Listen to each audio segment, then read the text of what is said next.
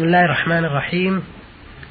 الحمد لله رب العالمين وصلى الله وسلم وبارك على عبده ورسوله نبينا محمد وعلى آله وصحبه أجمعين. مستمعي الكرام سلام الله عليكم ورحمته وبركاته. ومرحبا بكم في حلقة جديدة من حلقات نور على الدرب. يسرنا أن نعرض ما وردنا فيها من أسئلة ورسائل على سماحة الشيخ عبد العزيز بن عبد الله بن باز الرئيس العام لإدارات البحوث العلمية والإفتاء والدعوة والإرشاد. أولى رسائل هذه الحلقة وردت من السائلة نون سين من الخرج تقول في رسالتها آه، أنا مريضة منذ ثلاث سنوات ولم أصم وهذه السنة التي مضت هي الرابعة. فهل آه، علي الصيام أو الكفارة؟ وهل يجوز لي إن استطعت أن أؤخر القضاء إلى أيام الشتاء وأقضي منها ما قدرت عليه؟ أفيدوني أفادكم الله. بسم الله الرحمن الرحيم. الحمد لله وصلى الله وسلم على رسول الله وعلى آله وأصحابه ومن اهتدى بهداه. أما بعد فالمريض قد عفى الله عنه في تأخير الصوم لقول الله عز وجل ومن كان مريضا أو على سفر فعدة من أيام أخرى. هذا فضل من الله سبحانه وتعالى أن سامح المريض في الإفطار وأن يؤجل القضاء إلى الشفاء. ولهذا قال بعده يريد الله بكم اليسر ولا يريد بكم العسر. فإذا شفاك الله تقضين ما تركت من الصيام والحمد لله. أما إن قرر الأطباء أن هذا المرض لا يرجى برؤه وأنه يستمر فعليك أن تطعمي عن كل يوم مسكين ويكفي كالشيخ الكبير والعجل الكبيرة اللذين لا يستطيعان الصوم فإنهما يطعمان عن كل يوم مسكينا نصف صاع من التمر أو الأرز أو غيرهما من قوت البلد وهو كيلو ونصف تقريبا ويكفي عن كل يوم يعطى بعض الفقراء. أما الإنسان الذي ينتظر الشفاء ويرجو الشفاء فهذا لا إطعام عليه ولكن يصبر حتى يشفيه الله. فإذا شفاه الله قضى ما مضى من الصيام ولو سنوات. لأنه معذور شرعا نعم. ولا كفارة؟ ولا كفارة. نعم بارك الله فيكم. آه لها سؤال ثان في هذه الرسالة وهو سؤال طويل في الحقيقة يتعلق بخلاف بينها وبين زوجها لكن خلاصة ما في هذا السؤال تقول أنا حرمت زوجي بأن ما بأن لا أنجب منه أطفال بسبب كلام حصل بيني وبين أهلي فهو مهمل. بالنسبة لي وقد أنجبت منه أربع بنات آه، لم أنجب عنده سوى واحدة أما الباقي فقد أنجبتهن عند أهلي. وهو مع ذلك لا يقدر ظروفي وأنا الآن عند أهلي منذ ثمان سنوات. وأنا الآن راضية عنه لكنه يضايقني بكلام ليس له دليل وأنا الآن لا أريد منه إلا السلامة. وأريد أن أجلس على بناتي وأنا خائفة فهو يقول أريدك أن تذهبي معي لكن أنا لا أطمئن إليه أخشى أن يسبب لي بعض المشاكل وأنا مصرة عند على الجلوس عند أهلي فهل علي إثم مع أنني مريضة؟ آه هكذا تقول. هذه مسألة نساء خصومة. مرجعها المحكمة. إن سمح عنك فلا بأس وإن لم يسمح عنك فالمحكمة تنظر في الأمر. وإن توسط بينكما من يصلح بينكما ويزيل ما بينكما من الإشكال فالصلح خير. أما إن لم يتيسر الصلح ولم يسمح فالمرجع المحكمة. بارك الله فيكم. تسأل أيضا وتقول آه أنا آه أخشى من الله عز وجل ولا أريد أن يلحقني آه شيء وهو يمنعني أن لا أخرج من البيت وأنا لا أخرج سوى لعماتي وإذا خرجت أكون مستترة جدا حتى الذهاب إلى السوق لا أذهب إليه بل أوصي والدتي بما أحتاج إليه. فما الحكم في ذلك؟ إذا منع الزوج زوجته من الخروج لعماتها أو خالاتها أو للسوق أو نحو ذلك فعليها أن تمتثل وعليها السمع والطاعة في ذلك. إلا إذا قصر بأن لم يشتري لها حاجتها اللازمة في البيت أو لم ينفق عليها فلها الخروج لأنه قصر في حقها أما ما دام أنه يقضي حاجتها ويعطيها مطالب البيت فليس لها الخروج إلا بإذنه. وإذا منعها من الخروج لعمة أو خالة أو الجيران أو غير ذلك فعليها أن تمتنع وعليها أن تحل المشكل بالكلام الطيب معه والمذاكرة معه فيما يضرها في هذا الشيء والأسلوب الحسن الذي يلين قلبه حتى يأذن لها. أما المكابرة والعصيان فلا تجوز. الواجب عليك أيها السائلة أن تسمعي وتطيعي وأن تخاطبي بالتي هي أحسن حتى يرضى ويأذن نعم. بارك الله فيكم. تسأل أيضا وتقول آه، في صلاتي لا أستطيع أن أقف أصلي وأنا جالسة بسبب مرض في رأسي لأن وهو يؤلمني. فتسأل عن حكم ذلك. إذا عجز المريض عن القيام في الصلاة جاز له يصلي قاعدة. وإذا عجز عن القعود جاز له يصلي على جنبه. وإذا عجز عن الجنب صلى على صلى مستلقيا. فالأمر بحمد الله واسع والله يقول سبحانه فاتقوا الله ما استطعتم. ويقول النبي صلى الله عليه وسلم لعمران بن حصين لما كان مريضا صل قائما فإن لم تستطع فقاعدا فإن لم تستطع فعلى جنب فإن لم تستطع فمستلقيا فأنت أيها الأخت في الله تعملي ما تستطيعين إن استطعت القيام فقومي وإن عجزت بسبب الدوخة أو بسبب الضعف الذي بك صلي قاعدة وهكذا لو عجزت عن القعود صلي على جنبك والأفضل الأيمن. فإن عجزت عن الجنب صلي مستلقية ورجلاك إلى القبلة. هذا هو المشروع. نعم. بارك الله فيكم. الرسالة الثانية في هذه الحلقة وردت إلى البرنامج من السائل آدم عبد الله أبكر من نجامينا بجمهورية تشاد. يقول في رسالته ما الحكم في ثلاث طلقات في كلمة واحدة؟ هل تقع واحدة أم ثلاثا؟ هذا الطلاق بالوصف المأثور في خلاف بين أهل العلم. الجمهور من أهل العلم والأئمة الأربعة يقولون إن الطلاق بالثلاث ولو بكلمة واحدة يقع. فإذا قال لزوجته أنت طالق بالثلاث أو مطلقة بالثلاث أو قال هي طالق بالثلاث يعني زوجته طلق عند الأكثرين من أهل العلم. وحرمت عليه حتى تنكح زوجا غيره. وذهب جماعة من العلماء إلى أنه لا يقع بذلك إلا واحدة. إذا كان الطلاق بلفظ واحد بأن قال هي مطلقة بالثلاث أو أنت طالقة بالثلاث أو مطلقة بالثلاث ذهب جمع من أهل العلم إلى أن هذا الطلاق لا يقع منه إلا واحدة رجعية وله مراجعتها ما دامت في العدة. روي هذا عن ابن عباس في رواية صحيحة عنه وجاء عنه خلاف ذلك. وروي هذا عن جماعة من الصحابة رضي الله عنهم وقال به جماعة من التابعين واختاره محمد بن إسحاق صاحب السيرة وآخرون وأفتى به أبو العباس بن تيمية الإمام المشهور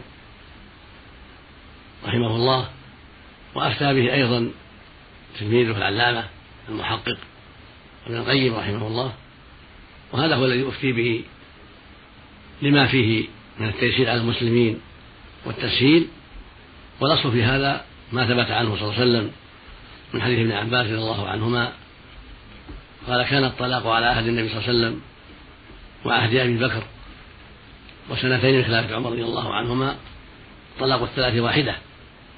فلما كان عمر رضي الله عنه قال إن الناس قد استعجلوا بشيء كانت لهم في اناه فلو أمضيناه عليهم فان الله عليهم خرجه مسلم في الصحيح.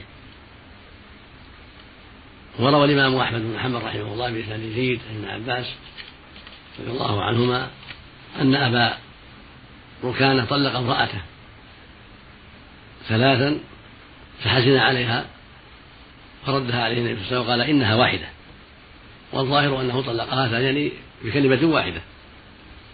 هذا هو الظاهر من الحديثين. وهذا هو المعتمد وهو الذي أفتي به كما تقدم. وذهب بعض أهل العلم إلى أن الثلاث ولو متفرقة لا يقع منها إلا واحدة. اختاره العباس بن تيمية رحمه الله.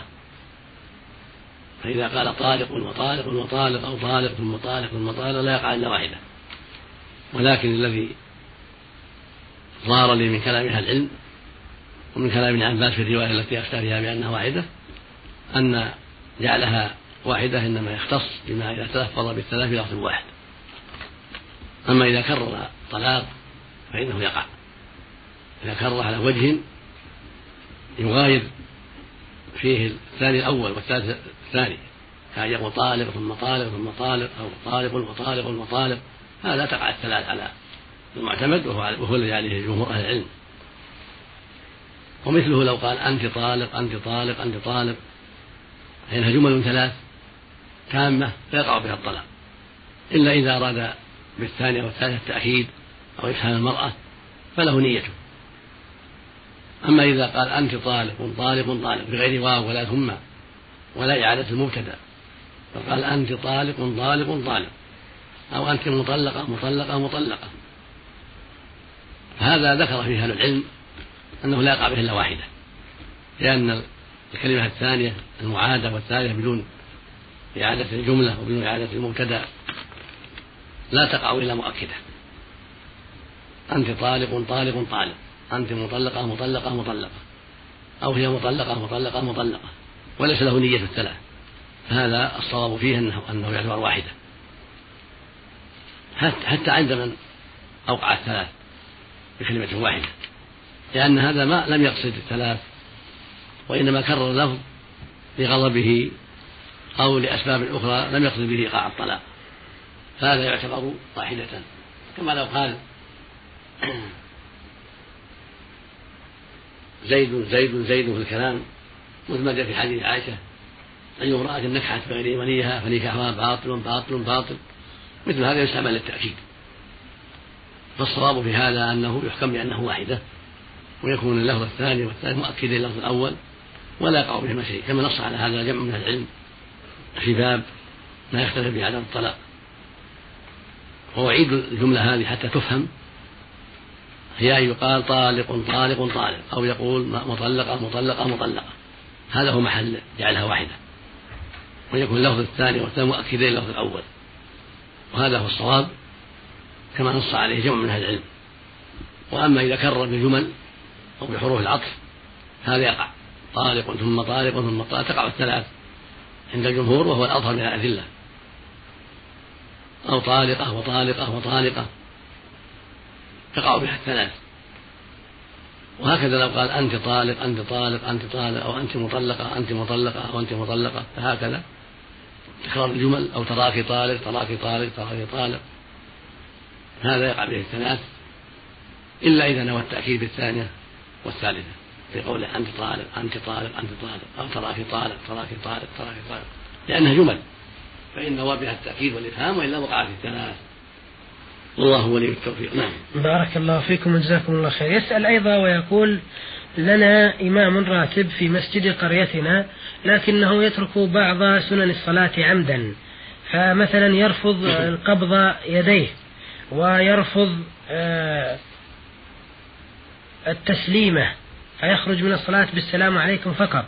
وقد نصحه بعض الإخوة أكثر من مرة لكنه رفض وقال أنا مالكي المذهب لا يجوز لي القبض ولا يجوز لي السلام عليكم ورحمة الله يمينا وشمالا. أفيدونا هل الصلاة خلفه جائزة أم لا؟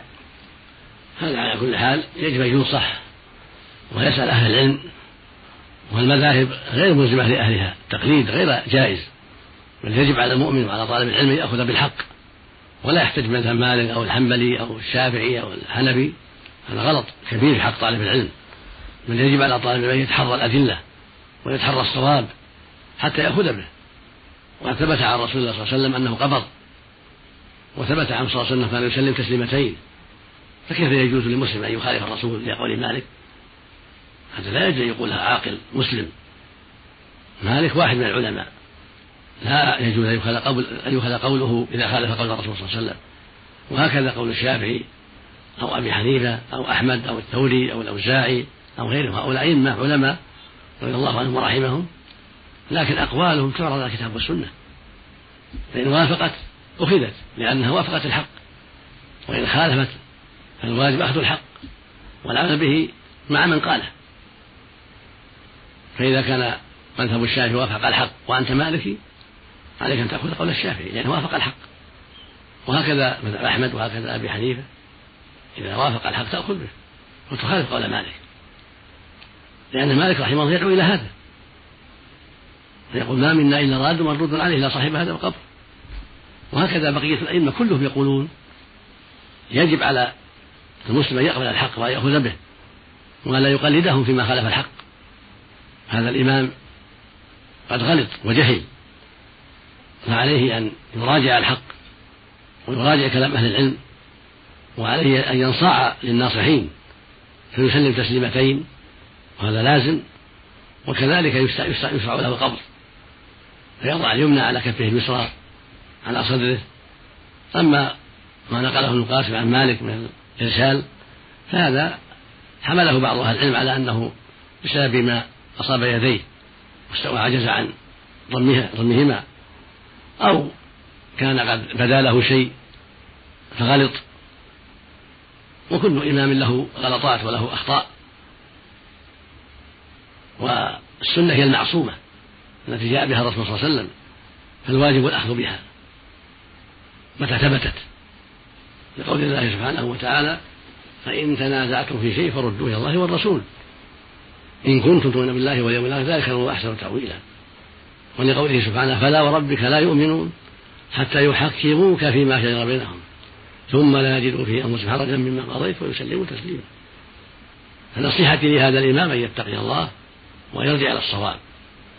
وصلاته معه صحيحة لأنه متأول ومقلد وجاهل في هذه المسألة. لكن إن استقام ورجع إلى الصواب وإلا فاسعوا في عزله وإبعاده لخطئه الكبير. ولا يصح للإمامة وهو بهذا الرأي وبهذا التقليد الأعمى. والله المستعان. بارك الله فيكم. أخيرا يقول الأخ آدم عبد الله أبكر من تشاد آه، هل التوسل يجوز بالجاه وبالبركة وبالحرمة؟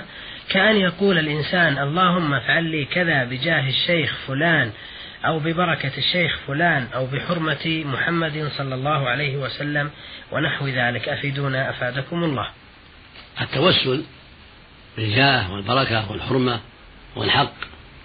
ليس بجائز عند جمهور أهل العلم لأن التوسلات توقيفية لا يجوز منها إلا ما أجازه الشرع. ولم يرد في الشرع ما يدل على هذه التوسلات فلا يقول الإنسان اللهم اغفر لي بحق فلان بحق محمد أو بحق الصالحين أو بحق الأنبياء أو بجاه الأنبياء أو بحرمة الأنبياء أو بركة الأنبياء أو بحق الصالحين أو بركة الصالحين أو بركة علي أو بركة الصديق أو بركة عمر أو حق الصحابة أو حق فلان وفلان كل هذا لا يجوز. هذا خلاف المشروع وهو بدعة وليس بشرك لكنه بدعة. لم يرد في الأسئلة التي دعا بها النبي صلى الله عليه وسلم ودعا بها أصحابه رضي الله عنهم. وإنما يتوسل بما شرعه الله من أسماء الله سبحانه وصفاته ومن توحيده والإخلاص له. ومن الأعمال الصالحات هذه الوسائل. قال الله تعالى ولله الأسماء الحسنى فادعوه بها. فتقول اللهم اغفر لي برحمتك إنك أنت الغفور الرحيم. اللهم ارحمني يا أرحم الراحمين. اللهم أحسن إلي. اللهم أدخلنا الجنة برحمتك وفضلك وإحسانك. اللهم أنجني من النار. واعف عني يا يا رحمن يا رحيم يا عفو يا كريم. وما أشبه ذلك. أو بالتوحيد. والإخلاص لله تقول اللهم اغفر لي لأني أشهد أنك أنت الله لا إله إلا أنت لأنك الواحد الأحد مستحق العبادة.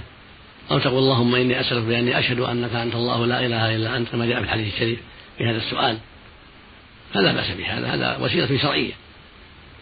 أو بأعمالك الطيبة تقول اللهم اغفر لي بإيماني بك ومحبتي لك. أو بإيماني بنبيك ومحبتي له عليه الصلاة والسلام. اللهم ارحمني بطاعتي لك واتباعي لشريعتك. اللهم ارحمني ببر والدي اللهم ارحمني بالعفة عن الفواحش. اللهم ارحمني بأداء الأمانة ونصحي لله والعبادة وما أشبه ذلك. ومن هذا الباب ما ثبت في الصحيحين عن ابن عمر رضي الله تعالى عنهما عن النبي صلى الله عليه وسلم أن ثلاثة آواهم المبيت إلى غار. وفي رواية آواهم المطر إلى غار في الجبل فدخلوا فيه. فانحدرت عليهم صخرة من الجبل فسدت الغار عليهم وكانت صخرة عظيمة لم يستطيعوا دفعها فقالوا فيما بينهم إنه لن ينجيكم من هذه الصخرة إلا أن تدعوا الله بصالح أعمالكم.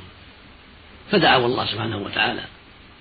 فقال أحدهم اللهم إنه كان لي أبوان شيخان كبيران وكنت لا أغبق قبلهما أهلا ولا مالا والغبوق اللبن اللي يشربه الناس بعد العشاء.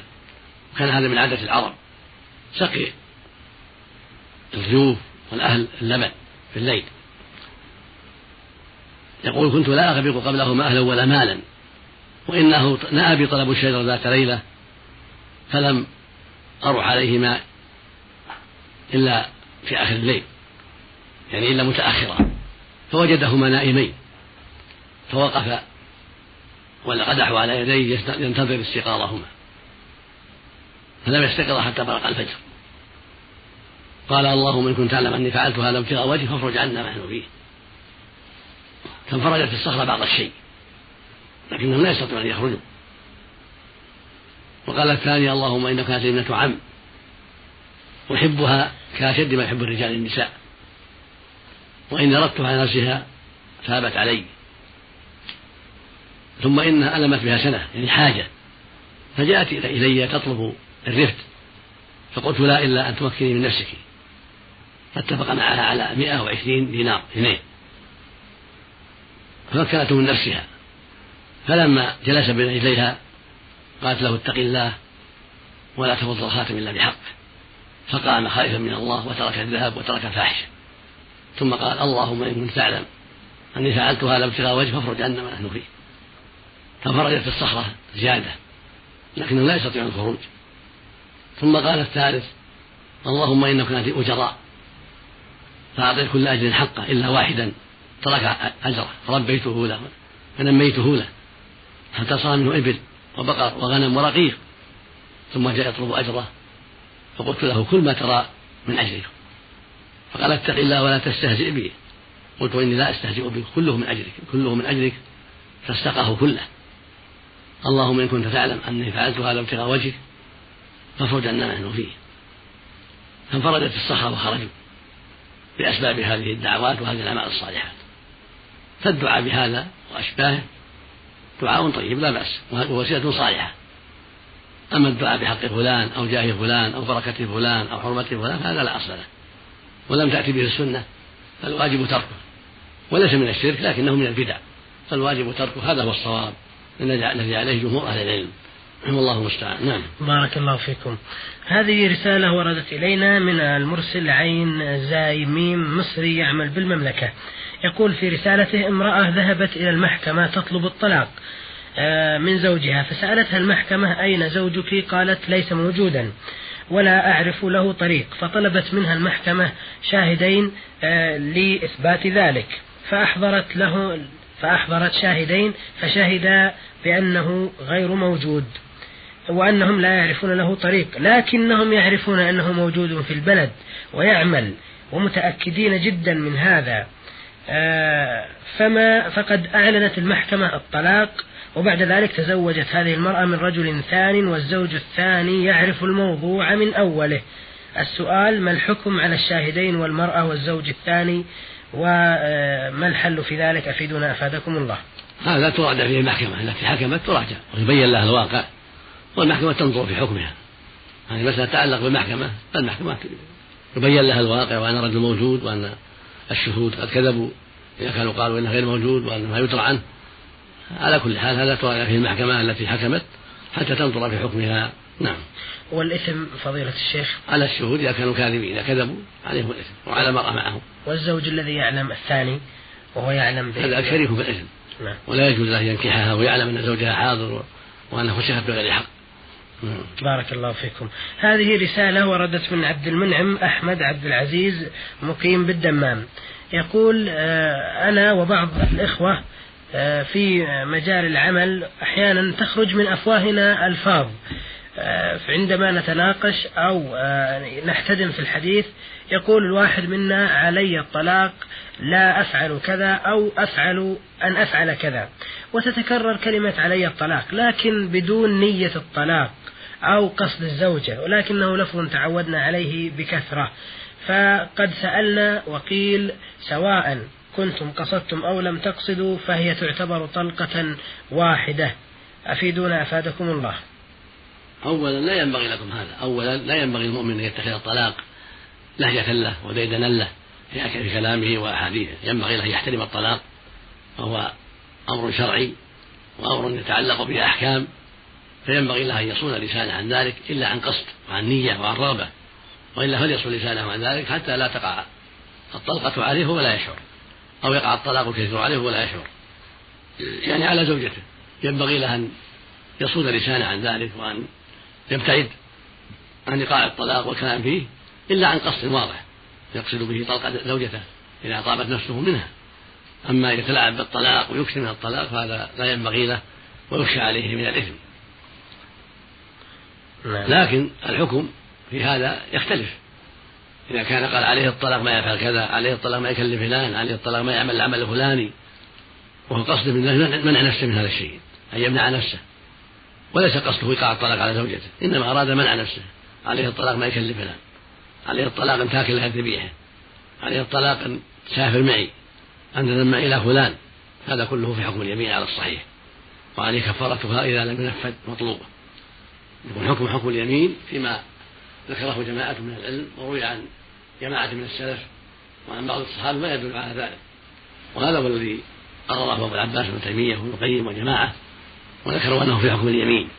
واحتجوا على هذا بآثار سلفية وبعض الأحاديث الواردة في هذا الباب. والخلاصة أن الواجب على هؤلاء عدم التلاعب بالطلاق والحذر من ذلك.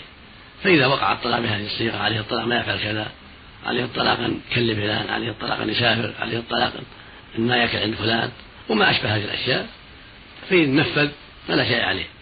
وإن لم ينفذ بل أخل بما قال فعليه كفارة يمين إذا كان المقصود هو تنفيذ هذا الشيء أو عدم تنفيذه ليس المقصود فراق الزوجة فهو بما ثبت لو قال والله لا أفعل كذا والله لا أكلم فلان والله لا أسافر. عليه كفارة اليمين نعم. وإذا كان لا يقصد لا يمين ولا طلاق لكن ألفاظ جرت على اللسان. لا بد أن يقصد منع نفسه من شيء مثل هذا أو حملها على شيء. يستعملونه أما لحملها على شيء ولا لمنعها من شيء. هذا هو القاعدة المعروفة عنده نعم. كما يفعلون مع الضيوف. والله أن تاكل ذبيحك عليه الطلاق أن تاكل الذبيحة عليه الطلاق أن تجلس تاكل كرامتك عليه الطلاق أن ما أكل لفلان لأنه فعل وفعل. عليه الطلاق أن ما يزور فلان لأنه غضبان عليه هكذا بارك الله فيكم آه هذه رسالة وردت من يحيى بن علي محمد جاد الله. يماني مقيم في الأفلاج في الهدار.